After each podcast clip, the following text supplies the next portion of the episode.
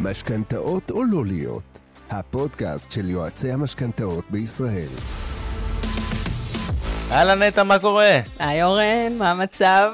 מעולה, אנחנו היום הולכים לדבר על הנושא הכי מעניין, בעצם הכי מעניין אותנו שבגללו פתחנו את העסק, נכון? לגמרי, תמחור. כן, תמחור, תמחור של uh, תיקי uh, ייעוץ משכנתאות, אולי אחד הנושאים הרגישים יותר אצל uh, יועצים, באופן פרדוקסלי, uh, באמת מה שבשבילו אנחנו נמצאים פה, זאת אומרת, מצד אחד אנחנו uh, רוצים להרוויח uh, טוב, רוצים להרוויח הרבה, ומצד שני, זה לא כך קל תמיד לדבר על המחיר עם הלקוח, זה לא תמיד קל להגיד כמה אני רוצה לקחת uh, בתמורה ל...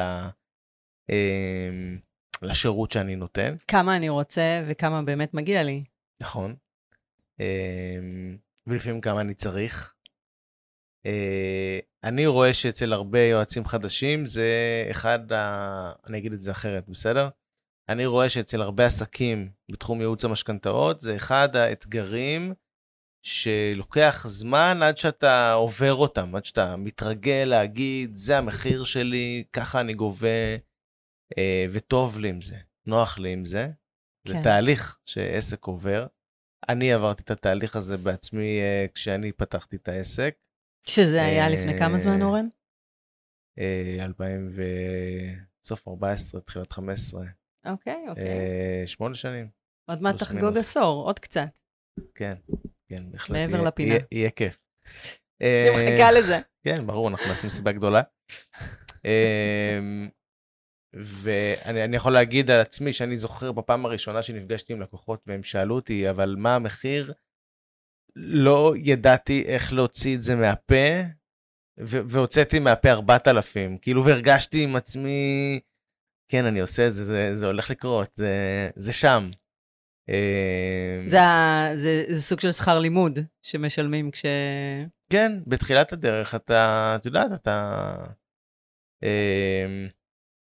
אתה בונה את עצמך ואתה לוקח uh, לפעמים מחירים יותר נמוכים, היום לא הייתי לוקח 4,000 גם בתחילת הדרך, אבל 2015 השוק עוד היה אחר לגמרי, הוא היה הרבה פחות uh, בשל, mm-hmm. הרבה פחות uh, חזק, ואנחנו כל אחד, כאילו אני, אני בניתי את עצמי בלי מידע מה קורה מסביבי, ואף אחד לא דיבר באמת, uh, יועצים לא דיברו אחד עם השני, ולא היו בתקשורת, ולא... זה היה משהו אחר כן. מאוד. כן. אה, אז כשאני אני המצאתי את המחיר, כאילו לא היה לי מושג כמה יועצים גובים. כמה נכון, כן. כן, אני ישבתי וחשבתי עם עצמי, כמה אני, כאילו, כמה אני, כמה אני רוצה על הדבר הזה, כמה, כמה אני מוכן אה, לקבל כדי שיהיה לי אה, מתאים לעבוד, mm-hmm. אה, יכבד אותי ויפרנס אותי. כי הייתי ממש בתחילת הדרך, זה היה, ספציפית זה היה התיק הראשון שעשיתי. גם היית בחור מאוד צעיר. אה, זה גם נכון, הייתי בן 27, נכון? צודקת. כן. אה, וגם לא הייתי רגיל למשכורות גבוהות. עבדתי לפני זה בבנק. בבנק. כן. בוא נגיד, זה סגרה לי חצי מההכנסה החודשית שלפני זה. זה לא היה מבוטל. אני חושב שאחד השיקולים והדיונים שעשיתי עם עצמי היה כמה תיקים אני אעשה מול כמה אני מרוויח. זה היה דיון. Mm-hmm. אה, אבל, אבל זה לא... החלק הקשה היה להגיד מחיר, להגיד מספר, נכון. צריך להגיד את זה פעם ראשונה, אתה... נכון. כמעט, אני חושב שכמעט תמיד אתה מוריד את מה שיש לך בראש. אתה אומר לעצמך משהו בראש. אתה מנהל עם עצמך משא ומתן ואתה, בתוך הראש. נכון, כן, אתה... ואתה אומר מחיר נמוך יותר. כי אתה חושב להגיד 6,000 ואתה אומר 4,000. כי אתה אומר, להגיד... מה, מה עדיף לי כרגע? עדיף לי לתפוס את התיק ולעשות אותו, ולהכניס כסף, אבל פחות, או שאני אעמוד על שלי, אני אתן את המחיר שאני באמת מאמין בו, ויש סיכוי ש... כן. שהתיק לא, לא ייסגר. נכון. וזה, עוד פעם, המשא ומתן הזה שאתה, שאתה עושה בראש תוך כדי זה שאתה מדבר עם הלקוח, ואז גם מוריד את הקשב שלך על הלקוח, ואז זה mm-hmm. מין לופ כזה. Mm-hmm. אני יכולה להגיד שאני פתחתי את העסק ב-2020. אה, כבר, אני בעצמי עוד בהלם מזה שאני כבר שלוש וחצי שנים בתחום המשכנתאות. Uh, וכשאני נכנסתי לתחום, אני זוכרת שהיו המון שיחות על תפסיקו לגבות מחירים נמוכים, תעלו מחירים. דיברו על זה המון. Uh, אני חושבת בעיקר היועצים הוותיקים, ש, שנכנסו הרבה מאוד יועצים לשוק, אה, גבו מחירים נמוכים, ובעצם באיזשהו מקום זה פגע בהם, כי כן. אה, פתאום המחירים שלהם נראו מאוד מאוד גבוהים, לעומת אה, מה שהיועצים החדשים אה, הציעו. אה, וכן, והנושא הזה של תמחור הוא סופר מעניין. אה, אני חושבת שהוא מעסיק אותנו כל הזמן. נכון, ואנחנו תמיד תוהים לעצמנו גם, בעצם האינדיקציה המרכזית שלך לגובה המחיר שלך, אם הוא גבוה או נמוך, זה ה-reactions של הלקוחות. נכון. אתה לא, אתה לא באמת יודע חוץ מאיך הלקוחות מגיבים, ואתה... לפעמים אני שומע מ- מיועצים שמדברים עם לקוח, הוא אומר להם, וואו, זה גבוה, אז הם חושבים, על הבא בתור אני אגיד יותר נמוך. נכון. עכשיו, לא כל לקוח הוא אותו דבר. דבר. בעצם אין לנו שם, אנחנו סתם זה, אנחנו מנהלים את זה עם הרגש של עצמנו, אנחנו לא נכון. מנהלים את זה עם, ה... עם הלקוחות באמת. נכון. והנה אה, נולד סקר. כן, נכון? ו... אה, אבל לפני הסקר, שנייה. אנחנו רוצים לדבר שנייה על האסנס פה שנייה, ואחרי זה אנחנו, אה, אחרי זה אנחנו נעבור לסקר. אבל אני חושב, ש... אני חושב שאחת הנקודות המהותיות שאנחנו צריכים כדי לאפשר לעצמנו, מה שנקרא מניסיון, כדי לאפשר לעצמנו אה, לגבות, אה, להגיד מחיר יותר בטוב, יותר באופן שלם עם עצמנו, ואני חושב שכשאנחנו אומרים את המחיר באופן שלם עם עצמנו, אז הוא עובר הרבה יותר בקלות אה, ללקוח. אה, משהו בטון דיבור שלנו, ב, אה, בצורה שבה אנחנו אומרים את הדברים, כשאנחנו בטוחים בעצמנו, אז לא מתווכחים איתנו. כשאנחנו מתלבטים וחושבים ואומרים מח- מחיר, את יודעת, לפעמים אני שואל, אני אסיים את ה... אני פותח ענפים. אני אסיים את המשפט ואז אני אפתח עוד ענף. אה, אז, אז כשאנחנו בטוחים בעצמנו, אז אנחנו יודעים מה המחיר שאנחנו צריכים לגבות, אנחנו אומרים אותו כמו שצריך, ואז הלקוח גם פחות מתדיין איתנו, פחות מתווכח איתנו על זה. ולכן אני חושב שאחד הדברים החשובים שלנו סביב מחיר, הוא לבסס אותו. מהמם. לחשוב למה זה המחיר שלי. אני חושב שרוב האנשים, כשהם שמים לעצמם תג מחיר, אז הם לא יודעים למה. הם שמעו משהו איפשהו, הם התחילו ממשהו, לאט מהמם. הם עלו. זה לא עד הסוף ברור למה, או מה ה... אה, אה, מה מרכיב. את המחיר הזה? מה, כן, מה מרכיב מה את המחיר הזה. המרכיבים, מה למה בעצם, זה מה המחיר? החלקים שמרכיבים את סך כל המחיר. נכון. אמ, אני אתן דוגמה, אני בזמן האחרון משתדל להקביל ללקוחות, משתדל להקביל, אני, אני אעשה את זה אחרת, אוקיי? צעד אחורה. מחיר אנחנו עושים, אנחנו uh, מתמחרים עסקאות, מתמחרים ביזנס לפי אחד משני פרמטרים מרכזיים. אחד זה זמן עבודה שלנו, מהמם. זאת אומרת, אה, במילים אחרות, עלויות פלוס רווח. זמן עבודה פלוס כמה אני רוצה להרוויח, זה דרך אחת לתמחר. מהמם. ושתיים זה ערך. כמה ערך נתתי לבן אדם השני. אם אנחנו גובים לפי עלויות פלוס רווח, בדרך כלל קשה לעלות מעל מחיר מסוים. נכון. אה, מה לעשות, אתה בסוף אומר לעצמך, אני שומע את זה הרבה, כמה אני הרווחתי לשעה, אה, אם הרווחתי ככה, אז ככה, אם הרווחתי ככה, אז ככה, וזה מאוד מורכב, כי ברגע שאתה מסתכל על זה ככה, אז למה שתגבה יותר מפסיכולוג? למה? אה, פסיכולוג גובה 400, 500 שקל, זהו. אין פה יותר מזה. 400, 500, אז אנחנו בקליניקה. אנחנו יושבים, מקבלים לקוחות, מרוויחים 400, 500, נגמר היום, מתקדמים הלאה. זה עסק מאוד מוגבל. את- כן. אתה לא יכול להרוויח המון המון מכזה עסק. אתה יכול להרוויח כמו בן אדם אחד, נגמר הסיפור. כשאנחנו עוברים לגבות לפי ערך, לפי תועלת, אנחנו אומרים, שואלים את עצמנו, כמה תועלת אני מביא לבן אדם? once שאלתי כמה תועלת אני מביא לבן אדם, אני יכול מזה לגבות איזושהי חתיכה. נכון. ואצלנו במשכנתאות מורכב לבסס את השאלה כמה ערך נתתי ללקוח. לא תמיד זה מספר ברור. נכון. אם אני יועץ מס ואני עושה החזרי מס, אז אני יכול להגיד, אוקיי, עשרת אלפים שקל החזר מס, אני רוצה מתוך זה שלושת אלפים. כן. זה ברור מה קיבלתי, הכסף נכון. הגיע באופן ישיר.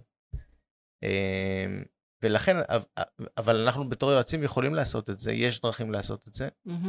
אה, ובכל זאת אני אומר, חשוב מאוד שאנחנו נבסס לעצמנו את ההבנה למה אנחנו גובים כמו שאנחנו גובים. לא נגבה אה, מחיר כי ככה זה נראה לי הגיוני, אלא נחשוב למה זה מה שאנחנו לוקחים. כן, אני מסכימה. אה, אני יכול לתת משהו אחד שאני בזמן האחרון מדבר עליו הרבה, במחזורים דווקא, לא במשכנתאות אה, חדשות, כי זה יותר מורכב להגיד mm-hmm. במשכנתאות חדשות. אה, אני מתייחס לרווח בשנה הראשונה.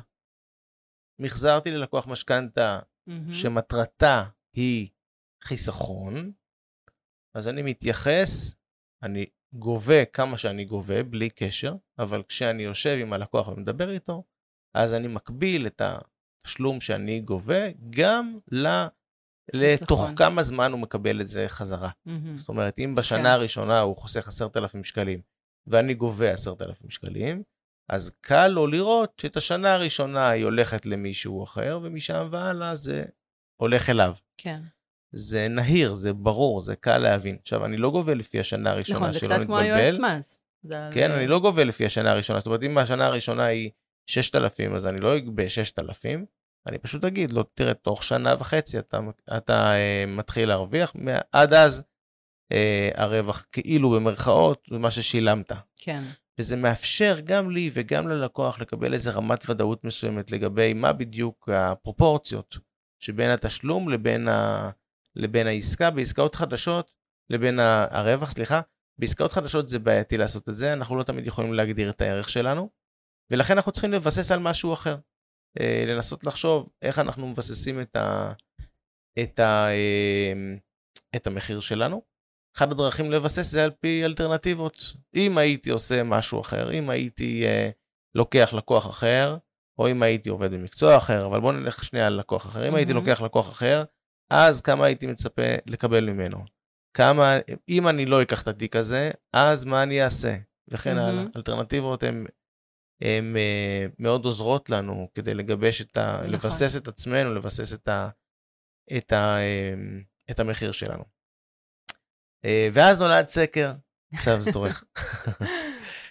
ואז נולד סקר, שאמרנו, אוקיי, בוא, בוא, בוא נבדוק, בוא נבדוק מה קורה שם בחוץ. כי גם כמו שדיברנו קודם, גם בין הקולגות, אתה לא... אתה לא עסוק בלדבר, בלנקוב במחיר. אתה שואל, אתה, אתה לוקח איזשהו, מחפש איזשהו בנצ'מארק. אתה אומר, אוקיי, אני אגבה אה, בתיק כזה וכזה, מה אתם אומרים? לגבות תיק אחד, לגבות תיק וחצי? אה, זאת אומרת, אתה לא מדבר ממש על המספרים באופן מוחלט, mm-hmm. והסקר הזה באמת בא במטרה לתת אה, תשובות קצת יותר, יותר קונקרטיות. יותר ברורות, כן. יותר פשוטות. כן, כן, נכון, ומה שמעניין זה באמת לראות איפה השוק עומד גם ביחס למה שהוא היה לפני כמה שנים וכן הלאה. נכון. Uh, אני יכול להגיד שהרבה שנים דיברו על מספרים של 5,000, אה, 6,000, זה היו המספרים שדיברו עליהם. נכון, זה גם מה שאני זוכרת, כן, כשהתחלתי. נכון, גם, ב, גם בפרסומים של קורסים וכולי, אז מדברים על תיק ממוצע הוא 6,000 שקלים, טה-טה-טה-טה, זה שיח כזה סביב זה, ואנחנו דווקא בסקר רואים מספרים אחרים לגמרי. כן. Uh, קודם כל נגיד שה... אה, סקר נעשה בין 300 אה, אה, ומשהו יועצי משכנתאות. 322. אני חושב 330 הגענו. כן, נכון, הנה, 333. נראה לי זה אפילו עלה מהבוקר. יכול להיות. רגע. כן, 333 תגובות, ותמיד כשמדברים על סקר, אז קודם כל מדברים על מה המאפיינים של עוני הסקר. אז האנשים שענו על הסקר, הם רובם המכריע עובדים בתחום בין שנה למעל חמש שנים. Mm-hmm. שנה ומעלה בעצם. כן, נכון, יש לנו 7% בערך שהם מתחת לשנה, אבל בסופו של דבר רובם אה, מעל שנה. אני אומר מעל שנה, כי בשנה הראשונה זה קצת מטה את הסקר, זה לא תמיד uh, מדויק. כן. השנה הראשונה, אנשים עוד בונים את עצמם וכולי, יותר מעניין מי שכבר נכון. בנה את עצמו כבר מבוסס, למרות שאנשים שהם בין שנה לשלוש, הם גם עוד בונים את עצמם בהרבה מקרים, אבל... נכון. בסדר, בסוף סקר זה סטטיסטיקה, זה לא מדויק, אין שום דבר פה שהוא לא מדויק, זה סטטיסטיקה, זה הקונספט. Mm-hmm. אה, עוסק מורשה או פטור, אנחנו אה, רואים ש-60 אחוז, כמעט 60 אחוז עוסקים אה, מורשים, 9% בעלי חברה בע"מ ו-31% מהאנשים שענו על הסקר הם uh, עוסקים פטורים. עוסקים פטורים, היום 100 אלף שקל בשנה? כן, סדר גודל. סדר גודל של 100 אלף שקל בשנה. כן. Uh, שזה מאוד יפה, דרך אגב. זאת אומרת, לראות ש-60, כמעט 60 אחוז הם uh, עוסק מורשה? נכון, כן. זה כבר, זה כבר נתון uh, כיפי. נכון. כן, ביחס למה שהיה לפני כמה שנים, זה נתון uh, מאוד יפה. Uh, בהתחלה שאלתי uh, בסקר uh, כמה אנשים גובים על, uh, שאלתי בכללי כזה, כמה בערך אתם גובים, אבל אחרי זה ירדתי למספרים של התיקים האחרונים. זאת אומרת, בסוף אנשים מעידים על עצמם, אבל הם מעידים על עצמם במספר ספציפי. התיק האחרון שעשית, כמה כסף גבית עליו. Mm-hmm. זה מאוד חשוב להגיד את זה, כי כששואלים אותך כמה כסף גבית על התיק האחרון, אז אתה ברוב מכריע של המקרים עונה את התשובה הנכונה. כששואלים אותך בכללי, אז אתה עונה איזושהי אשליה מסוימת, שלפעמים היא לא נכונה, לפעמים היא לא מדויקת. כן. אני בכוונה שאלתי בסקר גם את זה וגם את זה, כדי לאפשר לאנשים להכיל שנייה את השאלה הראשונה, ואז לצלול למה שבאמת מעניין אותנו, מה התיק האחרון, כמה כסף גבית עליו, שני התיקים האחרונים, ועשינו את זה ביחס לתיקים מורכבים. אה, אז בואו בוא נתחיל טיפה לרדת למסקנות. ראינו אה, ש... אה, אני חושבת שרוב האנשים בעצם, אם הסתכלנו על טווח של מחירים, אנחנו רואים שרוב התיקים גובים עליהם בין 6,000 ל-9,000 שקלים. אמנם כן. זה מנעד מאוד רחב. זה מנעד מאוד רחב, אבל, אבל... אבל זה עדיין 84% מהיועצים גובים בין נכון. 6,000 ל-9,000, זה אומר שרוב מכריע של התיקים הם נמצאים מעל אותו מספר אה, התיק שדובר עליו הרבה פעמים, כאילו הוא המספר הממוצע. נכון. אה, וזה כבר, זה מדהים להבין שכמעט כל היועצים מעידים על עצמם שהם גובים יותר מזה. Mm-hmm. זה מראה את ההתפתחות של השוק, וצריך להגיד שזה אה. שזה נאמר ונכתב וכולי בתקופה שבה השוק הוא שוק לא קל. נכון. זה לא בתקופה שבה אנחנו אה, שוחים כולנו במיליוני תיקים 2021, תזרוק אבן, יש לך מחזור. נכון. זה לא הסיטואציה, ובכל זאת אנחנו נמצאים במקום הזה. בכל זאת אנחנו נמצאים במקום של תשלום יחסית אה, אה, גבוה ביחס למה שהיה בעבר ליועצים, שזה מדהים בעיניי. אם פעם היו שואלים כמה אה, יועץ גובה בממוצע, אז היו, מישהו היה אומר אה, בערך 5,000-6,000. היום זה לא המצב. לפי הסקר, הממוצע עומד על 7,600 שקלים, ואם אנחנו מנקים את הנתונים שניתנו של שנה, של עד, עד שנה, שנה, אז אנחנו ב-7,800 נכון. שקלים. נכון. שזה כבר מספר אחר לגמרי, נכון. זה כבר מספר הרבה יותר גבוה. ואז אני אומרת לעצמי, אולי צריך להעלות מחירים. כן, זו גם, זו גם שאלה, כן. החציון אגב די דומה, החציון באזור 8,000. חציון זה אומר שחצי מהתיקים, אמ, ש... חצי מהתיקים שבוצעו על ידי יועצים, חצי מהתיקים שדובר עליהם פה, יועצים העידו על עצמם, הם מעל 8,000 שקל. כן. חצי הם גם מתחת, אבל חצי הם מעל. Mm-hmm. גם אלה שמתחת, אנחנו רואים שמעט מאוד מהם נמצאים במתחת 6,000 שקלים. Uh, עשינו סקר שם לפי ותק, וראינו שלפי ותק, אם אנחנו מעל חמש שנים בתחום, אז רק 4% מהתיקים מתחת 6,000 נכון. שקלים. 4%.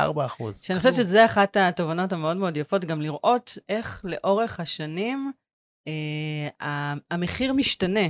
וממש רואים קורלציה בין זה שכשאתה מעט זמן בתחום, אתה גובה פחות, וככל שהוותק שלך הולך ועולה, אתה כנראה גם מעריך את עצמך יותר. אתה, מה שדיברת קודם על עניין של הערך, אתה מאמין שמגיע לך לקבל יותר, כי אתה נותן יותר ערך ללקוח, mm-hmm. ולכן גם המחיר עולה. כן, אתה יודע, אתה יודע כמה זה שווה, ואתה גם יודע כמה זה יהיה לך קשה לעשות את זה. כמה תעבוד בשביל זה. נכון. זה חלק מאוד משמעותי. Mm-hmm. לפעמים כשאנחנו סוגרים את התיק, קשה לנו להתייחס לשאלה כמה זה כבר, כמה, כמה אני אעבוד על זה. Mm-hmm. כשאנחנו אחרי זה, ואנחנו רואים את זה כמה נכון. פעמים, אנחנו יודעים להגיד לעצמנו, פה אני יודע שזה, שזה ייקח לי הרבה זמן, אני יודע שזה, שאני אעבוד על זה הרבה. אני יודע לצפות מראש כבר את, ה... את ההסתעפויות ואת ה... אה, לאן בעצם התיק הזה הולך, ולכן אני מראש באה ושם איזשהו תג מחיר שהוא גבוה יותר. כי כבר יש לי את הניסיון לצפות את זה מראש. נכון. אה, אגב, אה, שאלנו גם כמה אנשים מתמודדים, או כמה קשה להם עם המחיר, כששואלים וכולי. לא, נכון. לא ראיתי אה, דרמה בשאלה הזאת. זאת אומרת, יש כמובן אנשים שיותר קשה להם עם המחיר, אבל אנחנו רואים שזה, אה, שזה לא, שזה לא דרמה רצינית, כן? ב, אה, בסקר אנחנו רואים שרוב האנשים ששאלנו אותם אם קשה להם סביב המחיר, אז רוב האנשים, רוב מוחלט, 60 אחוז, ענו אה, שבין 2 ל-3. זאת אומרת, לא, לא מורכב להם עם המחיר. מסתדרים איתו, הם יודעים להגיד אותו, יודעים להתמודד עם זה בתוך תהליך המכירה. כן, יחד עם זאת, כמעט 30 אחוז חושבים שהם צריכים לגבות יותר. נכון. נ- אפילו אומרת- יותר מזה הייתי אומר, כן. כי 30 אחוז ענו שהם חייבים לגבות יותר, ועוד, לא זוכר כמה, אבל עוד איזה שהם- 30 אחוז נכון, אמרו שהם אה, צריכים לגבות יותר, אבל בסדר אבל להם גם מרגיש במצב להם הנוכחי. בסדר, נכון. כן, זאת אומרת, הם חיים בשלום עם, ה... כן, עם, ה... עם כמה שהם גובים היום. כן. הם, הם בסדר עם המחיר הנוכחי, אבל הם היו רוצים לגבות יותר, מהמם. שזה גם אומר משהו. כן, בסדר? זה אומר שיש הרבה אנשים בתוך התחום שלנו שגובים בסדר גמור כנראה, ורוצים לגבות יותר. הם כן. רוצים להתפתח, הם רוצים להיות- לגדול, הם רוצים להרוויח יותר, והאמת היא בצדק. נכון, ו- אבל שוב, בהתייחס גם למה שאמרת קודם, בהקשר של התקופה, שהם, יכול להיות שהם גם אומרים לעצמם, אני יודע שאני צריך לגבות יותר, אבל שוב, ברוח התקופה, וכרגע, אני, טוב לי עם מה שיש לי, מהמם. ואני אומר תודה על מה שיש, כי זה לא מובן מאליו. יכול להיות, כן. אה, וכרגע אני יכול לנשום ולהכיל את זה, וכשהשוק יתחיל ככה לצאת קצת מה... מהקיפאון שלו, אז, אה, אז אני ארגיש יותר בנוח לעשות את זה. הרגיש יותר אה, בנוח ל- כן. להעלות מחיר. נכון. כן, בהחלט יכול להיות שכשהשוק יתפוצץ במרכאות, אז פתאום נראה גם אה, יועצים מעלים מחיר אה, באופן אה, דרמטי. יכול להיות, יכול להיות. כי כן, כי עכשיו אנחנו נמצאים בתקופה שבה אני חושב שיועצים מרגישים שצריך לגבות יותר, מצד אחד. מצד שני, אף אחד לא רוצה לעוף על עצמו כרגע. כן, כאילו, אתה יודע, אתה אומר, אני גם צריך לעשות uh, כמות uh, נורמלית של עסקאות. אני לא יכול עכשיו uh, להתחיל uh, להיות בררן על כל uh, פיפס של הפיפס. נכון. נכון, אה, רואים את זה. וזה לא מובן מאליו אה, בתקופה כזאת אה, להחזיק עסקים ו- ו- ולהכניס כסף, אה, ואנחנו באמת צריכים, אה, מה שנקרא, לחוש עם עצמנו מה נכון לנו בתקופה הזאת. כן. אה, ואני כן רוצה אולי להתייחס גם למה שאמרת קצת בהתחלה, אה, שלפעמים גם אני שואלת, את- אני מוצאת את עצמי, שואלת את עצמי, האם שווה לי, אתה יודע, לפעמים לקוח בא ואומר, זה יקר לי, אז, אה, אז אני שואלת את עצמי, האם שווה לי להוריד מחיר ולקחת את התיק, מה שנקרא, בכל מחיר, או להגיד, אוקיי, יש איזשהו רף מינימום שמתחתיו אני מעדיפה לא לעבוד על תיק. אה, ואז באמת, ב, בש, ב, בצורה שלמה, פשוט לוותר ולהגיד, אוקיי, אלה מחירים שאני לא רוצה לעבוד בהם, ולוותר את, את, על התיק ולשלוח אותו למישהו אחר שיעשה לו, בתקווה, את, את העבודה אה, טובה כמו שאני יודעת לעשות ובמחיר אה, נמוך יותר.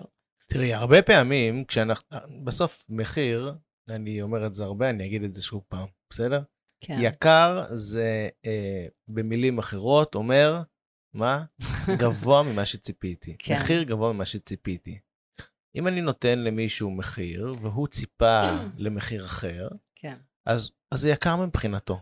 אבל אם אני אמרתי לו מחיר יקר במרכאות, הבא בתור שהוא יתקשר אליו, העוגן הפסיכולוגי, העוגן המחשבתי שלו, יושב על מה שאני אמרתי לו. כן. אם הוא הגיע אליי עם מחשבה שזה בטח יעלה איזה 7,000 שקל ואני אמרתי 10,000, אז מבחינתו 10,000 זה יקר. אבל כן. הבא בתור שהוא יתקשר אליו ויגיד לו 8,000 או 9,000, אז זה לא יקר. זה מהמם. איפשהו באמצע בין מה שהוא מראש מראש חשב, לבין מה שעכשיו הוא חושב אחרי שאני נתתי לו את המחיר שלי. כן. אז הרבה פעמים כשאנחנו אומרים ללקוח, תשמע, זה המחיר שלי, זה ככה אני, זה המספרים שאיתם אני עובד, אז הוא הולך קצת לרחרח, הוא הולך לבדוק בעוד מקומות, שואל עוד מישהו, שואל עוד שניים, ולפעמים הוא יקבל תשובות יותר גבוהות משלנו, מהמם. לפעמים הוא מקבל תשובות יותר נמוכות משלנו, ופה מתחיל debate. נכון. ה debate הוא לא בין מחיר המקור שהוא חשב עליו, שבדרך כלל הוא כנראה נמוך משמעותית ממה שאנחנו אה, ביקשנו, כן. אחרת הוא לא היה מופתע. אה, ובין המחיר שאחרים הציעו לו. אם הוא נפל על מישהו שהציע לו מתחת 6,000, שאנחנו רואים שהאחוזים לזה הם נמוכים, נכון, זה מעלה סימן שאלה. נכון, למה? זה מעלה סימן שאלה. אני עובד בתחום בין 3 ל-5 שנים, אחוז האנשים שגובים מתחת 6,000 הוא 14 אחוז. זה מיעוט קטן מאוד בתוך כמות יועצי המשכנתאות. מהמם. נשאלת השאלה אם מישהו גובה בתקופה, מישהו גובה מ- מ- מהלקוח אה, 5,000 שקלים, למה? מה, מה הסיבה? מה, מה קרה פה? כן. מה, מה שונה פה? למה הוא יכול לגבות כזה מחיר? למ- למה הוא רוצה לגבות כזה מחיר? מהמם. אולי הוא לא כזה טוב במשא ומתן, אם הוא גובה מחיר כל כך נמוך. נכון. אני. רוצה מישהו שכן יודע לנהל בשבילי משא ומתן. אולי הוא חדש יחסית. מהמם. לפעמים אני מעדיף חדש, נוח לי עם חדש. לפעמים Mhm. אני מעדיף ותיק יותר. ואני אומר, אוקיי, הוא יהיה מנוסה יותר, ימנע לי יותר, יותר דברים. לפעמים אני רוצה יחס יותר יותר אישי, חדש יכול להתאים לי. נכון, ולכן לכן מחיר גם זה עניין יחסי. זאת אומרת, זה פוג... תלוי באמת איפה זה פוגש את הלקוח, אה, ומה הוא רוצה. ש... שבוע שעבר ש... נתתי הצעת מחיר ל... ללקוח, ללקוח פוטנציאלי, ואחרי שנתתי את המחיר, הוא אמר, אוקיי, אז, אה, אז בואי תעשי הנחה. ומישהו לימד אותי לשאול, אוקיי, ו... וכמה פחות בשירות אתה רוצה לקבל. כמה הנחה אתה רוצה שאני אעשה לבנקים? בדיוק. אז, אה, ולכן זה עניין של, אה, אם אני נותנת מחיר שאני מאמינה בו, שאני באמת מאמינה שיש סיבה למחיר שאני נותנת, אז אני עומדת מאחוריו. אני מאוד, מאוד מאמינה בזה שאני צריכה לעמוד מאחורי המחיר. אני באופן אישי, שאלנו גם על ענייני ההנחות הנחות. שעושים, באופן אישי אני פחות אה, נמצאת במקום הזה של, ה, של המקח. אני מאוד משתדלת לתת את המחיר, לעמוד מאחוריו, זה גם ברוב המקרים עובד לי טוב. זאת אומרת, שואלים אותי, אה, אפשר לקבל הנחה? ואני אומרת שאני נוטה לתת מחירים אחידים לתיקים סטנדרטיים, אני קוראת לזה, ולכן גם חשוב לי שכשאני נותנת מחיר למישהו אחד, כשהוא במקרה ישמע ממישהו שהיה איתי וקיבל הצעת מחיר, שהוא ידע שהוא קיבל את, את אותו מחיר, אה, ושלא עשיתי איפה ואיפה בין הלקוחות שלי. כן. אה, ואם אני לוקחת מחיר אחר, אז שיהיה לי הסבר למה המחיר גבוה או נמוך ממה שלקוח אה, כזה או אחר שילם. אני בעד הנחות מובנות בלבד. שזה אומר... זאת אומרת, אני חושב שזה בסדר לעשות הנחה, שיש בצד השני שלה סיבה ברורה, מהמם. שעוזרת לי, נותן השירות, להרוויח לחסוך יותר, בעצם או בתהליך. לעבוד פחות, או שיהיה לי עלויות יותר נמוכות מהמם. וכן הלאה. ולכן בסדר לי עם זה שיש הנחה מסוימת נכון. מובנית. למשל, אני כן עושה הנחה של 300 שקלים, בין 300 ל-500, תלוי בלקוח, אה, למי שמעביר לי את כל החומר בתוך יומיים. כן, 48 שעות, אני זוכרת. כן, אני אוהב את זה. זה מקל עליי. אני לא צריך להתעסק בלקוח כל הזמן, תביא את החומר, תביא את הזה, תביא את הזה, תביא את... זה בסדר לי. יש פה משהו שאני מקבל בתמורה. כן, אה, יש עסקים שיבקשו, שיגידו, אם אתה מעביר את הכל בתשלום אחד, אני מוכן לעשות לך הנחה. נכון. יש פה, יש, יש פה הנחה. יש סיבה. מובנית, נכון, הגיונית, נכון. סיבה. כמה הנחה אתה עושה בגלל זה? זה כבר, סובייקטיבי, אה, נכון. שלך, תחליט. אבל הנחה שהיא לא הנחה מובנית, היא מורכבת. הנחה שהיא לא הנחה מובנית, אתה בעצם אומר, יכלתי להרוויח, יכלתי, יכלתי להרוויח פחות, אני גוזר עליך קופון. אני עושה לך קופה. כן. זה מה שאתה אומר בעצם. מהמם. וזה קצת מורכב. כי הלקוח בעצם אומר, שנייה, אם הוא יכול לה- להוזיל לי את המחיר, אולי הוא יכול להוזיל את המחיר עוד יותר, אם רק הייתי מבקש. כן, נכון? את מכירה את זה שאת מבקשת אה, מחיר מסוים, ואז אומרים לך, טוב, בסדר, ניתן לך את המחיר הזה, את אומרת, רגע, למה לא ביקשתי פחות, נכון. נכון? תמיד, תמיד אתה יכול אה, זה, כן. תמיד אפשר לשחק עם זה. מהמם. זו נקודה מאוד משמעותית, אם המחיר שלנו הוא נזיל, הוא גמיש יותר מדי, אז אנחנו זה בבעיה. גם מעלה סימני שאלה. כן, זה מעלה נכון, סימני נכון, שאלה ברורים, נכון. חדים. אה, טיפ אחד חשוב, אה, כלי אחד חשוב, נכון? אנחנו אומרים כלים לא טיפים, טיפ זה מוזיל. כלי אחד חשוב, לא להשתהות לפני ואחרי שנותנים הצעת מחיר. אתה נותן הצעת מחיר בטלפון, שואלים אותך, וכמה זה עולה? לא להשתהות.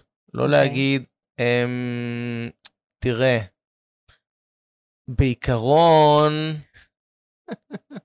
אני גובה 7,000 שקל, אבל פה במקרה במקרה הזה שלך. זה תיק, אה, זה לא עובד.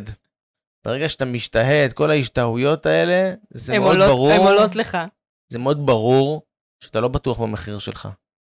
המחיר צריך להיות ברור, מבוסס, מתקדמים הלאה. אני גובה 10,000 שקלים, זה כולל 1, 2, 3, 4, 5, אפשר לשלם את זה בשני תשלומים או בתשלום אחד. בפגישה אנחנו נדייק את זה, ואנחנו נסגור סופית איך אתה משלם את התשלום. כן. ברור, עם פרטים ועם סוף. מתי. נדבר על זה פעם הבאה? כן. ברגע שאנחנו אה, מתמרחים עם זה, אנחנו בעצם אומרים, תשמע, אני לא סגור על זה לגמרי, אני מזמין אותך להתווכח איתי על זה. מהמם. זה המשא ומתן שאנחנו מנהלים בתוך הראש כן, לגבי אנחנו- המחיר. כן, מה, אנחנו לא מה רק באמת מנהלים נכון אותו. לתת, אה, באיזה מחיר הוא יסגור. כן. אנחנו לא רק אה, מנהלים אותו בתוך הראש, אנחנו גם מזמינים אותו לנהל אותו איתנו אחר כך. כן, וזה בעצם משדר, שמע אחי, אני חייב את התיק הזה. זה מה שזה משדר. כן. אני חייב את התיק הזה. מהמם. שלפעמים אני באמת חייב את התיק הזה. אבל once אמרתי, אני חייב את התיק הזה ללקוח, אני שם אותו בעליונות עליי, בתוך הדיון, בתוך המשא ומתן על המחיר. נכון. כשאני שם אותו בעליונות עליי, אז אני בבעיה, כי אני בסוף, כנראה מה שיקרה, שאני אסגור במחיר יותר נמוך ממה שרציתי. מהמם. ואז אני אתבאס על התיק הזה. באיזשהו שלב אני אגיד לעצמי, חבל שלקחתי אותו. כן. הייתי צריך לקחת, לא לקחת הייתי צריך לתת לו מחיר גבוה יותר. בדיוק. וזה מה שאמרתי קודם, שלפעמים אתה מוצא את עצמך בשאלה, האם- האם שווה לי לקחת את התיק בכזה מחיר? בעיה גדולה בתיקים האלה, שאתה שואל את עצמך, האם היה שווה לי לקחת את התיק הזה? הכי גדולה, שבאיזשהו שלב, באופן לא רציונלי, באופן לא מודע לפעמים, אתה מוריד אה, הילוך ברמת השירות. אה, מה לעשות, אתה אומר, אה, כשאתה אומר לעצמך, לא הייתי צריך לקחת את התיק הזה, אתה אומר, טוב, בסדר, כאילו... אתה כאילו מתבאס כל פעם שאתה בא לטפל בו. כן, אתה- אתה, אתה לא מתבאס בא עליו. לך עליו. נכון, אין מה לעשות, זה משהו בזה. תיקים כאלה, אגב, יש רק טיפ אחד איך להתמודד איתם, כשאתה כבר מתבאס עליו, יש רק דבר אחד מה לעשות עם זה, מה עושים עם זה, תגיד. מסיימים עם זה מהר. ככל שאפשר. מפנים את הדברים האחרים, מסיימים את התיק מהר, מנהלים אנרגיה. כן, אפשר גם להגיד ללקוח, תשמע, לא מתאים לי, אבל זה קורה לעיתים כנראה הרבה יותר נדירות. כן. אה, בדרך כלל צריך לדעת, תיק שהוא מורכב לנו, קשה לנו, עובד פחות טוב, רץ פחות טוב, טה טה טה טה, הדרך הנכונה להתמודד איתו, שהיא הפוכה מהאוטומט שלנו, זה לשים את הדברים האחרים בצד, לתקתק אותו, לגמור, להתקדם הלאה. מהמם. בדרך כלל מה אנחנו עושים? מתמרחים. מורחים אותו. בסדר, אני מטפל בו, כן, מורחים אותו, כן, אבל אה, בסוף יש יש איז- איזשהו דדליין שצריך לעמוד בו. נכון? אה, היה לי לאחרונה תיק כזה, שאחרי שסגרתי, שאלתי את עצמי למה, לא בגלל מחיר, דרך אגב, משהו בכימיה שם, משהו בכימיה שם לא... פעם עבד. ראשונה, פעם ראשונה שקרה לי שממש, ו... וממש כבר שקלתי להגיד, אה, אני, אני נסוגה, ו... וככה דיברתי עם קולגה שדרבנה אותי, אמרה לי, אין שום מצב שבתקופה הזאת את מוותרת, אה, ואכן לא ויתרתי, אה, ואכן היה מאתגר, אה, ובאמת הוא הסתיים, הסתיים לאחרונה. הסתיים בטוב, בשביעות רצון גבוהה, אבל כן, זה קורה לנו, אנחנו בני אדם. נכון? זה לגמרי... יועצים לגמרי- יועצים, אבל בני אדם. כן, זה... זה חלק, אם לא היינו בני אדם, לא היינו כל כך יועצים לא היינו פה. אה, בוא נדבר על מתי. מתי, ב- לי, אותי זה הכי הפתיע בתוך הסקר, אה, המתי. אה, מתי גובים מהלקוח? אוקיי, זהו, כן, אני ראיתי שככה לא הבנת, ואני דווקא אמרתי לך, אני מאוד מתחברת לזה, כי ככה אני, ככה אני עובדת, ובאמת חלק גדול מה... אני רק אעביר את זה ל- לתוצאות, חלק גדול מהאנשים בעצם לא. גובים את כל, ה... את כל הכסף מראש. אה, כן, אני- רוב אני- האנשים, אנחנו רואים, כמה זה 56 אחוזים? אני עוד רואה טוב בכזה מרחק? כן, אה, צודק. 56 חמיש- אחוזים גובים אה, חלק בהתחלה אני וחלק בחתימות. פרגנתי לעצמי על זה שהצלחתי לראות מפה, שזה 56 אחוזים, אורן. כן, שגובים אה, חלק בהתחלה, בעצם מקדמה, זה גם מה ש... מה ש... איך שאני נוהגת, אני נוהגת לגבות את אגב, המקדמה. צריך להגיד שצריך להוסיף אליהם עוד 10 אחוזים שגובים חלק בהתחלה וחלק באישור. נכון, זאת אומרת, 66 אחוז מהיועצים גובים את התשלום שלהם בפעימות. ב- בפעימה, בפעימה אחת בהתחלה ואחת נכון. מתישהו אחר כך, באישור או בחתימות. שמה שהפתיע אותך זה שלא גובים את כל הכסף מראש.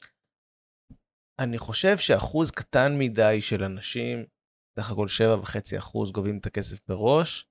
אני חושב שזה, אה, זה מעלה, מעלה, לפחות לי, זה מעלה סימני שאלה לגבי אפקטיביות התהליך. כי אני חושב שכשגובים מהלקוח פעמיים בדרך או שלוש פעמים בדרך, הרבה אנשים כתבו לי בהערות, מהמם. אני גובה בשלוש חלקים, אחד, שתיים. כן, ראיתי. אני חושב שזה מסבך את התהליך, וזה, וזה פחות אפקטיבי. אה, אני רואה את זה אחרת. בסדר, שנייה. once אני מתחיל את התהליך, דיברתי עם הלקוח בפעם הראשונה, ישבתי איתו, חתמתי, לקחתי את הכסף, אני לא מתעסק יותר בגבייה. לא צריך להתעסק בגבייה. גביתי פעם אחת, נגמר סיפור. אין פה, לא צריכה להיות התעסקות בזה. ברגע שאני לא מתעסק בזה, אז זה מוריד ממני את ה... זה, זה מאפשר לי לייעל את, ה... את תהליך העבודה שלי. עכשיו, כשאתה בתיק, שניים, שלושה, ארבעה תיקים בחודש, אז אתה יכול להרשות לעצמך שהתהליך יהיה פחות יעיל. לדעתי, ברגע שאנשים עוברים את כמ- כמות תיקים מסוימת, הם צריכים לייעל את התהליך, וחלק מייעול התהליך הוא בגבייה. אה, ככה אני רואה את זה. הפתיע אותי הנתו, המספר, זאת אומרת, הנחתי שהרבה מה- מהאנשים גובים חלק וחלק, מהמם. הפתיע אותי שכל כך קצת אנשים גובים את התשלום בהתחלה. כן. כן. אה, מעניין, כן, אז- איך את רואה את אז- זה? אז אני אה, רואה את זה קצת אחרת. אה, יכול להיות, דרך אגב, שזה גם בא ממקום, אני ככה מנסה לה- להריץ לעצמי בראש תוך כדי זה שאנחנו מדברים, יכול להיות שזה גם מגיע מאיזשהו מקום של אפילו חוסר ביטחון. דיברנו קודם על העניין של המחיר, ועל אלה שמריצים לעצמם בעצם את, ה, את התרחישים, שמה יהיה אם אני אתן מחיר כזה ומחיר כזה, ויכול להיות שזה גם חלק מהעניין של איך אתה גובה את הכסף. אני מרגישה מאוד בנוח כשאני נותנת את המחיר שלי, דרך אגב, אה, שכמו שאמרתי קודם, הוא מחיר מסוים, אני נוטה לא לעשות הנחות, אלא אם כן, כמו שאתה ציינת את זה, הגדרת את זה כהנחות מובנות, אבל אני מרגישה מאוד בנוח לבוא ולהגיד ללקוחות, בשלב הזה אתם משלמים מקדמה בגובה אה, מסוים, את יתרת הכסף אתם משלמים בסוף התהליך, כשכבר אתם רואים שהתהליך הזה הפך לממשי, ובאמת אה, הושלם, או אפילו באישור עקרוני, אני יכולה להתחבר לזה שאנשים גובים אה, פעימה נוספת באישור עקרוני. לפעמים יש תיקים שמגיעים אליי בשלב שהוא מאוד לא בשל. אנשים שבאים אליי לפגישת ייעוץ, ומחליטים שהם רוצים לצאת לאישור עקרוני, ובשלב הזה שעוד אין להם אפילו חוזה חתום, עוד אין אפילו דירה. הם רק רוצים להבין את המסגרת, הם רוצים אה, אה, לדעת אה, לאיזה אה, שווי דירה הם יכולים לכוון. הם צריכים ממני משהו מאוד מאוד מסוים כרגע, אה, ואני מרגישה מאוד בנוח לגבות את המקדמה הזאת אה, מתוך כלל התהליך ולהגיד להם, כשהתהליך יושלם, אתם. אני אגבה מכם את יתרת הכסף. אה, ואני גם יכולה להגיד שיש בזה משהו, אתה יודע, קצת, אה, קצת נחמד שפתאום אתה בסוף תהליך נפגש עם סכומים יחסית גבוהים, כי המקדמה היא יחסית אה, קטנה, ואז בסוף תהליך אתה גובה איזשהו סכום כסף משמעותי, ואני כן אציין שבמקרה שלי אני לא פורסת לתשלומים את הגבייה הסופית. זאת אומרת, ברגע שאנחנו מגיעים לסוף התהליך, הגבייה נעשית בתשלום אחד, הם יודעים את זה מראש, כך שמבחינתי יש שתי פעימות בתהליך. יש פעם אחת את המקדמה, ופעם שנייה את, ה, אה, את הגבייה בסוף. אז אני אגיד מזה שתי נקודות אור, בסדר? מבחינתי. אחד, זה שבאמת, כאילו, אם גובים בתשלום אחד את הכסף בביטחונות, בחתימות וכולי, אז יש בזה איזשהו היבט מסוים שאתה יודע, אני לא פורס פה עכשיו את הכסף. אם אתם עושים בפעימות וגם פעימות וגם תשלומים, חבר'ה, התזרים שלכם יהיה, כן, יהיה לכם קשה עם נכון. התזרים בדרך כלל. אמ, אני כן אגיד שלדעתי יותר קל להעלות מחיר כשאתה מדבר אה, על, נקרא לזה סוג של בתנאי הצלחה. זאת אומרת, כשאתה אומר ללקוח, שמע, אתה משלם לי כך וכך, אבל אתה משלם אחרי שאתה רואה שעשיתי עבודה טובה, אוקיי? אחרי שאתה מרוצה מהתהליך, אז זה הרבה פעמים מאפשר לי לבקש מחיר יותר גבוה. זאת אומרת, אם אני גובה בסוף התהליך, אם אני גובה הכל רק בסוף, רק בתנאי הצלחה, אז בכלל קל לבקש מחיר יותר גבוה. דרך אגב, יש כאן 20 ו... מהאנשים כן, בדיוק. אמרו שהם גובים הכל בסוף. כנראה זה תיקים יותר, תיקים יותר מורכבים בדרך כלל, אבל עדיין, כאילו, יש פה היבט מסוים. אני אומר, אני גובה הכל בסוף, אז אני אומר, אני גובה הכל בסוף, אבל אני יכול לגבות פי אחד וחצי, אוקיי? אז יש פה היבט מסוים שהוא חיובי, ואני מניח שמי שגובה חלק בביטחונות וחלק בהתחלה, זה מאפשר לו יותר בקלות לגבות מחיר יותר גבוה, יותר מהמם. נוח, מהמם. יותר נוח לי.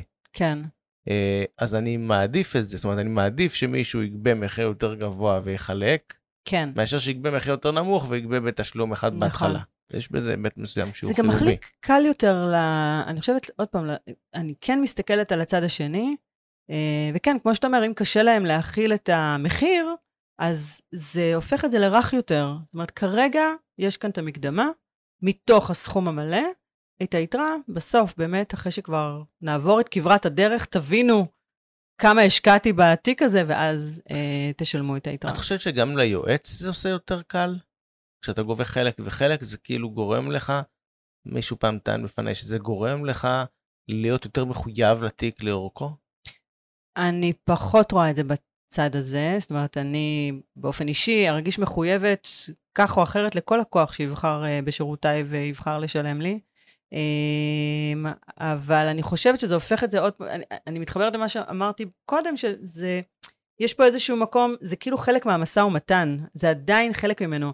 גם אם אני מאוד מאוד אה, חד משמעית לגבי המחירים שלי, אני עדיין אתן לאנשים את ההקלה הזאת, או ארגיש צורך לתת לאנשים את ה... אה, כאילו את הצ'ופר הזה, שכרגע, זה לא שכרגע אתם צריכים לשלם לי את כל הכסף, אלא כרגע תשלמו את המקדמה. אנחנו כמובן חותמים על הסכם התקשרות, יש לי הסכם התקשרות שמגדיר את הכל בצורה מאוד מסודרת. אה, תשלמו כרגע את המקדמה, ואנחנו ניפגש עם היתרה אה, בסוף התהליך. ומה קורה אם בסוף התהליך לא בא להם לשלם? לא קרה לי. לא קרה לי. אוקיי, ואם יקרה? אם יקרה, אז uh, נחשוב מה לעשות. אבל אני... עוד פעם, זה כאילו, יש כאן איזשהו, בסופו של דבר יש כאן מערכת יחסים ש, שמוגדרת בחוזה. אני לא חברה שלהם, אני לא עושה להם טובה, הם באים אליי כאשת מקצוע, ואני מחתימה אותם על הסכם אה, התקשרות. מהמם. ושם מוגדר בצורה מאוד ברורה. אה, שהם צריכים מה- לשלם. מה השירותים שאני נותנת, מה הם מקבלים, מה גבולות הגזרה, וגם מה התמורה בעד השירותים שלי. הם, אני מסבירה להם את זה בעל פה, והם גם חותמים על זה. אז מה יקרה אם הם לא ישלמו? לא יודעת להגיד כרגע, ותלוי, תלוי במקרה.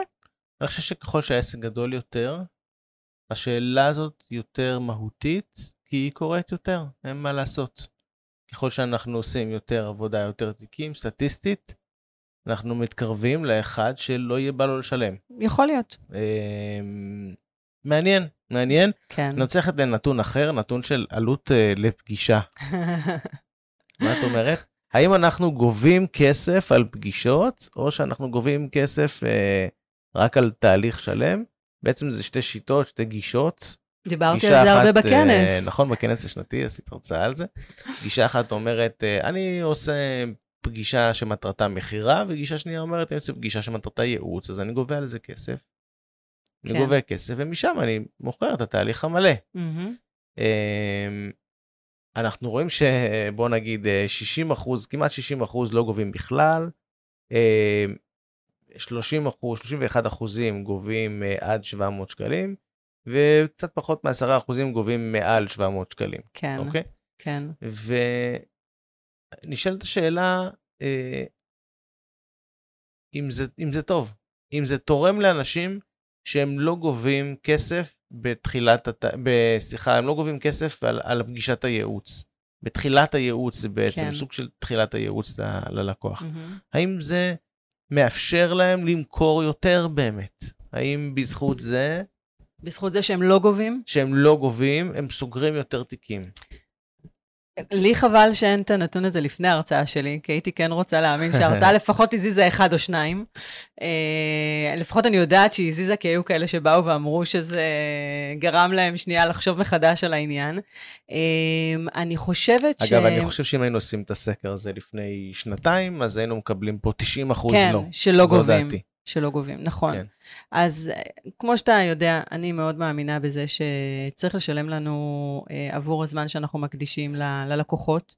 אה, ופגישת ייעוץ, מבחינתי, היא גם stand alone. זאת אומרת, אנשים יכולים להגיע לפגישת ייעוץ, לשלם עליה, ואחרי זה לא להמשיך לתהליך. זה יכול לקרות.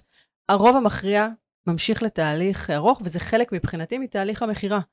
אם בטלפון הרבה יותר קשה לי אה, לעשות את המכירה תכלס, אלא אם כן באמת מגיעים לפעמים לידים מאוד מאוד חמים, אה, שממש שמעו ממקור ראשון וכולי.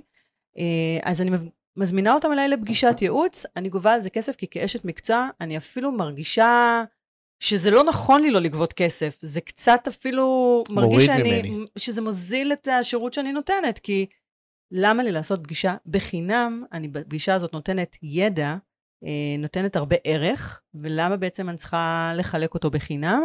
ובאמת, הסימן שאלה שעולה לגבי זה, אה, זה נושא של אחוזי המרה שלא בדקנו כאן, וגם אני לא יודעת כמה אנשים, כמה יועצים עוקבים אחרי זה, זה האם כשאתם לא גובים כסף על פגישות הייעוץ, אתם מרגישים שאתם סוגרים יותר תיקים, או דווקא סוגרים פחות, ואז אתם עובדים הרבה למה פחות? בחינם. Uh, כי אנשים באים, מקבלים את הערך, ו... וממשיכים הלאה.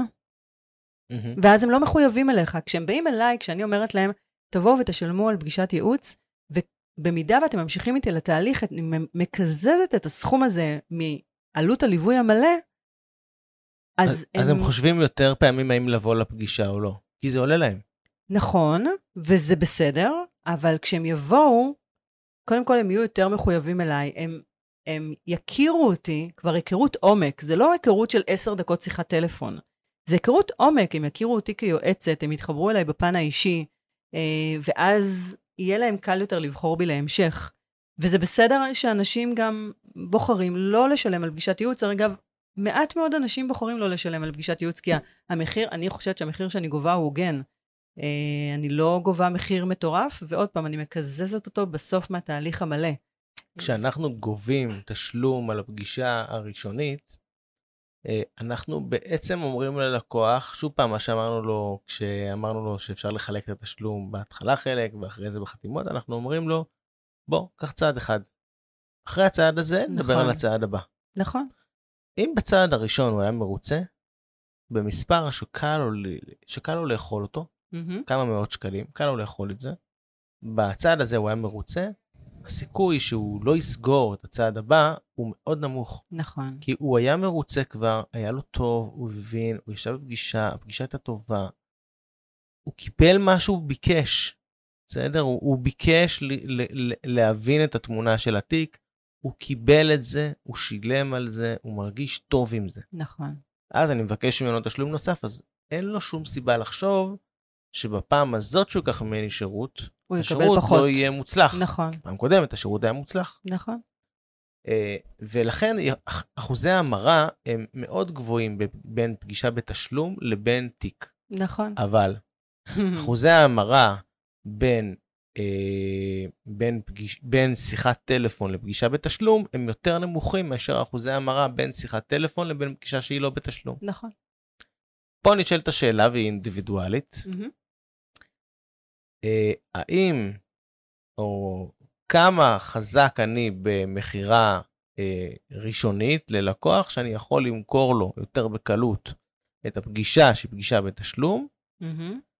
וכמה אני אצליח להמיר שיחות טלפון לפגישה בתשלום, ביחס לכמה אני יכול להמיר שיחות טלפון ביחס לפגישה שהיא לא בתשלום. כי גם אחוז המרה בפגישה פיזית, גם אם היא לא בתשלום, הוא אחוז המרה גבוה יחסית.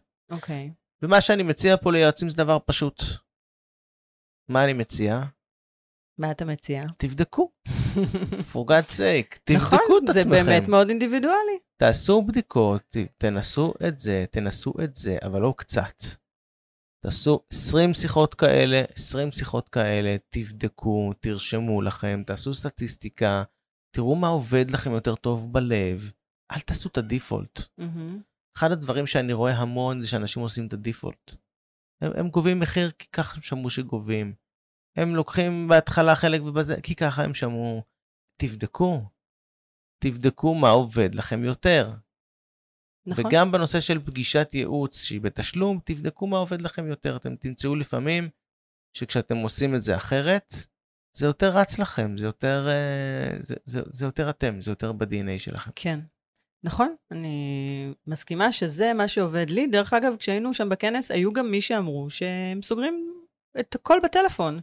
אה, כבר ב- בשיחת טלפון, וזה בסדר, וזה מדהים. אתה יודע מה? הלוואי שזה מה שהיה עובד לי. לי זה לא כן. לא עובד, לי זה לא עובד, ולכן, מאחר וחשוב לי להיות מחוברת לעצמי ובאמת להבין מה עובד לי, זה מה שעובד לי, וזה עובד לי מעולה, ואני מסכימה איתך שצריך לבדוק. כן. דבר אחרון מעניין מאוד בסקר זה הפער העצום בין uh, גבייה בתיקים uh, מורכבים כן. לבין גבייה בתיקים רגילים. אנחנו רואים ממוצע של ניטרלתי את הגבוהים מדי. אנחנו רואים ממוצע כן. של בערך 17,000 בתיקים רגילים, בתיקים מורכבים, ובערך uh, uh, 7,800 בתיקים... זה uh, סדר גודל של פי שתיים, נכון? כן, זה פחות או יותר. מה שאנחנו רואים. נכון, אני כן אגיד שניטרלתי, זאת אומרת, ניטרלתי תיקים ב-110 אלף שקל. המוגזמים. כן, ניטרלתי. כן, כי בסוף, אה, בסוף אנחנו, בסדר, כאילו, מדברים על הדברים הנורמטיביים, לא על טרפת, לא על דברים כן. לא שגרתיים. קיצוניים. נכון, וכן, אבל עדיין אנחנו רואים פערים גדולים. אנחנו, אם תראי פה, אפשר לראות את אה, סך, סכום הנקודות, כל זה, כל נקודה מהמם. פה על, ה, על הציר, היא אה, בעצם, אה, היא תיק רגיל. וכל מהמם. נקודה פה על הציר היא תיק מורכב, כן, ואנחנו רואים שהתיקים המורכבים, התשלום שלהם הוא, הוא הרבה יותר גבוה. כן. הוא, הוא הרבה הרבה יותר גבוה, ונשאלת פה, נשאלות פה שתי שאלות. אחת, מה זה מורכב? נכון. אה, פה שמנו את זה, כאילו נתנו את הפרשנות לאנשים בסקר לחלוטין. מה זה מורכב? זו שאלה אחת. אה, ושתיים, מי, מי יכול להרשות לעצמו לא להתעסק עם מורכבים? כאילו, אם המחיר הוא הרבה יותר גבוה, אז, אז למה לא? כאילו, למה, Mhm. למה לא להתעסק במורכבים? יש תשובה כמובן, אבל מעניין אותי לשמוע אה, מה את חושבת על זה, אחרי זה אני אגיד מה... אני, מה אני אני, אם יש משהו אחד שאני רוצה כן לשים עליו את האצבע, זה שלפעמים אנחנו מגייסים תיק ואנחנו לא בהכרח יודעים לצפות מראש איך נתמודד איתו? כמה מורכב הוא הולך להיות.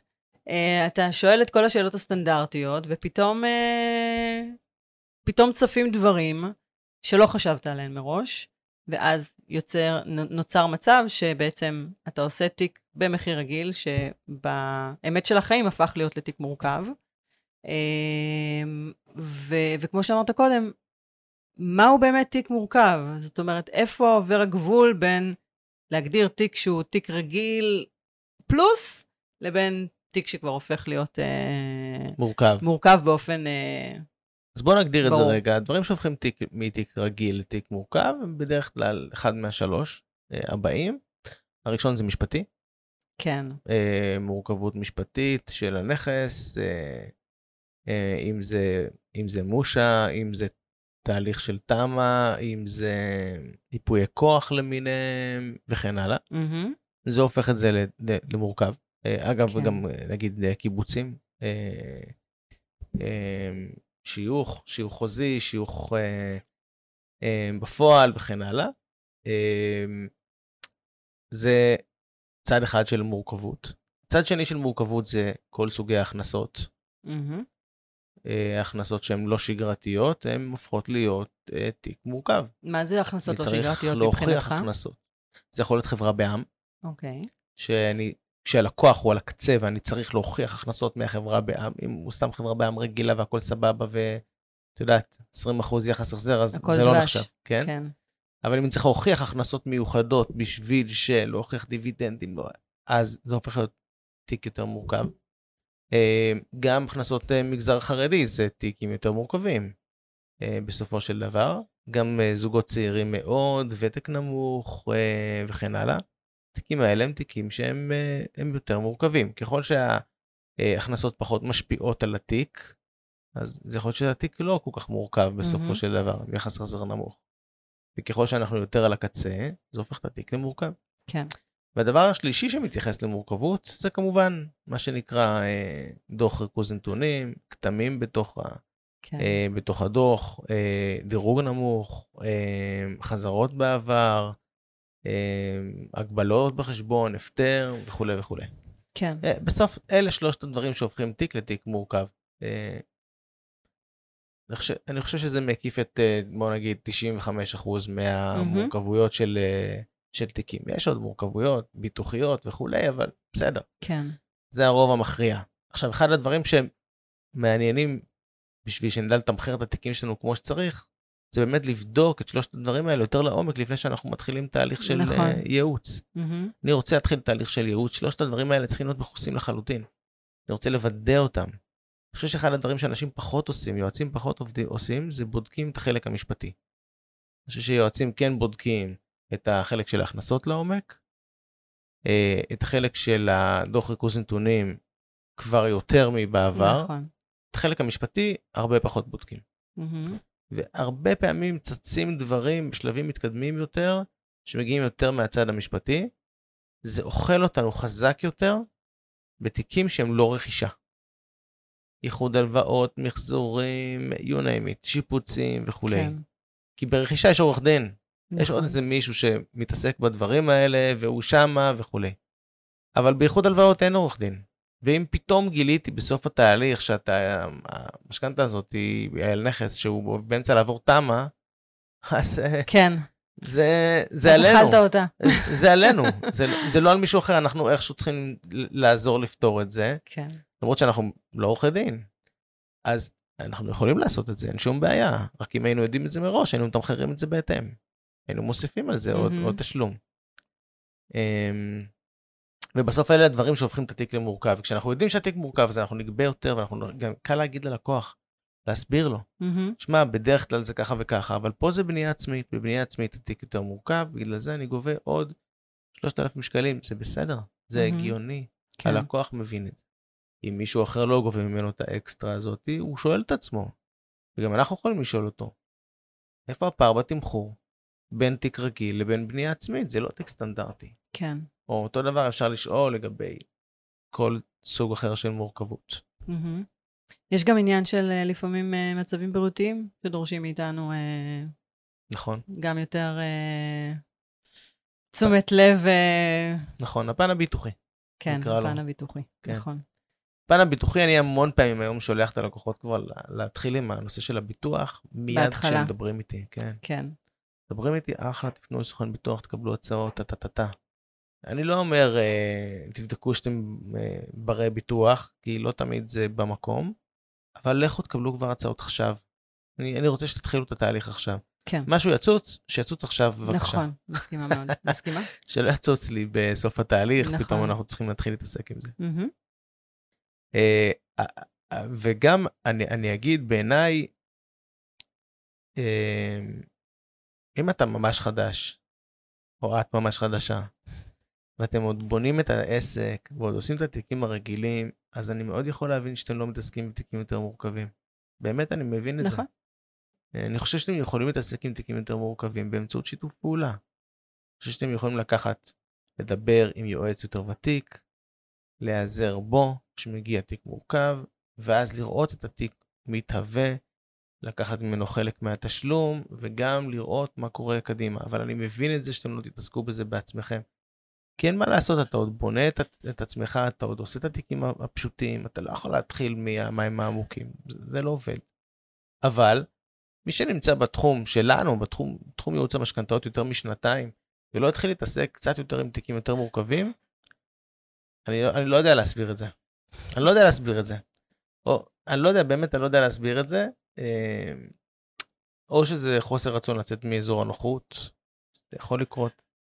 אה, או שזה מצב או סיטואציה שבה אנחנו אה, עדיין לא ב-100% בתוך, ה, בתוך המקצוע, עוד לא מרגישים מספיק בטוחים, עוד לא, לא יודע.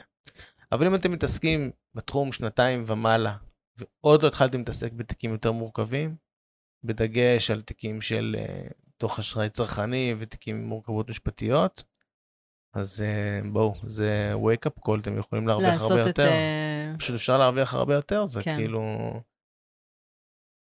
הד- זה- הדרך הכי קלה להגדיל את העסק מבחינת רווחים.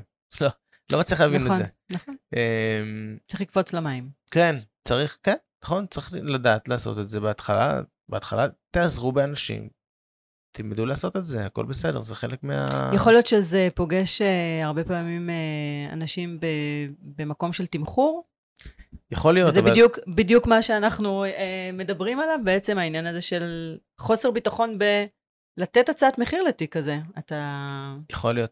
אגב, זה מתחבר לזה שאנחנו רואים כמה אנשים שסימנו שהם גובים מחיר של מחיר של תיק רגיל, בתיק מורכב. נכון.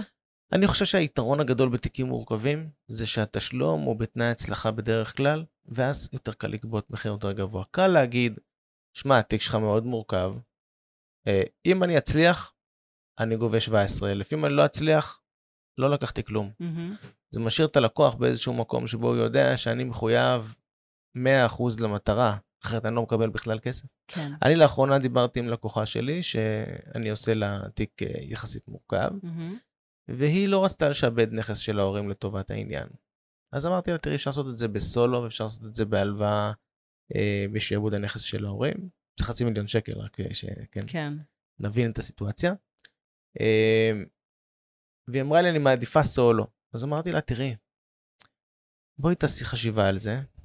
כשאני מתחיל תיק, אני צריך לדעת שיש לי תוכנית א' ותוכנית ב'. אין לי בעיה לנסות יותר סולו, אין לי בעיה לעבוד יותר בכיוון של סולו, אבל אני צריך לדעת שאם סולו לא עובד, יש לי משהו אחר לעשות, כי אני, אני לא עובד בתנאי הצלחה כשהסיכוי שלי הוא אפסי. כן. אם זה לא יעבוד בסולו, אני צריך לדעת שמשהו אחר אני יכול לעשות ולהרוויח Mm-hmm. את מה שתכננתי להרוויח. כי אני עובד בתנאי הצלחה, כי אני מאמין שאני יכול להצליח. נכון, אז אני צריך לדעת, תוכנית א', תוכנית ב'. Mm-hmm. אה, זה עשה לה משהו. כן. כאילו היא אמרה, אוקיי, סבבה, מעולה, הבנתי. אני אבדוק, אני חוזרת אליך. בדקה, חזרה אליי, אמרה לי, תוכנית א', זה זה, אבל אם חייבים, אז גם תוכנית ב' בסדר מבחינתי. אבל תעשה לי טובה, תשתדל מאוד שתוכנית א' תעבוד, כי כן. אני... אה, אנחנו מורידים לה את ההחזר החודשי מ-30 אלף ל-10,000. יהיה. נחמד. וואו. כן. על חצי מיליון. זה לא על חצי מיליון, זה גם על החצי. מיליון וגם על המשכנתה הקיימת שלהם של אה, מיליון וחצי. אה, עושה זה- שכל. זה, זה, תיק, אה, זה תיק מעניין. הם לקחו משכנתה מקסימלית כדי לבנות בית, מהמם. ואחרי שהם עשו את זה, הם התחילו לקחת עוד מלא מלא מלא מלא הלוואות עסקיות. המון. כי לא לקחו מספיק. הלוואות עסקיות והלוואות רגילות, לא יכלו לקחת יותר, מהמם. בשביל להמשיך ולשפצר את הבית ולהוסיף ולהוסיף ולהוסיף ולהוסיף. בסוף הגיעו לסיטואציה של 30 אלף שקל החזר חודשי. וואו. זה טירוף. טירוף, כן. אבל בסדר, אנחנו uh, נעזור להם לפתור את זה.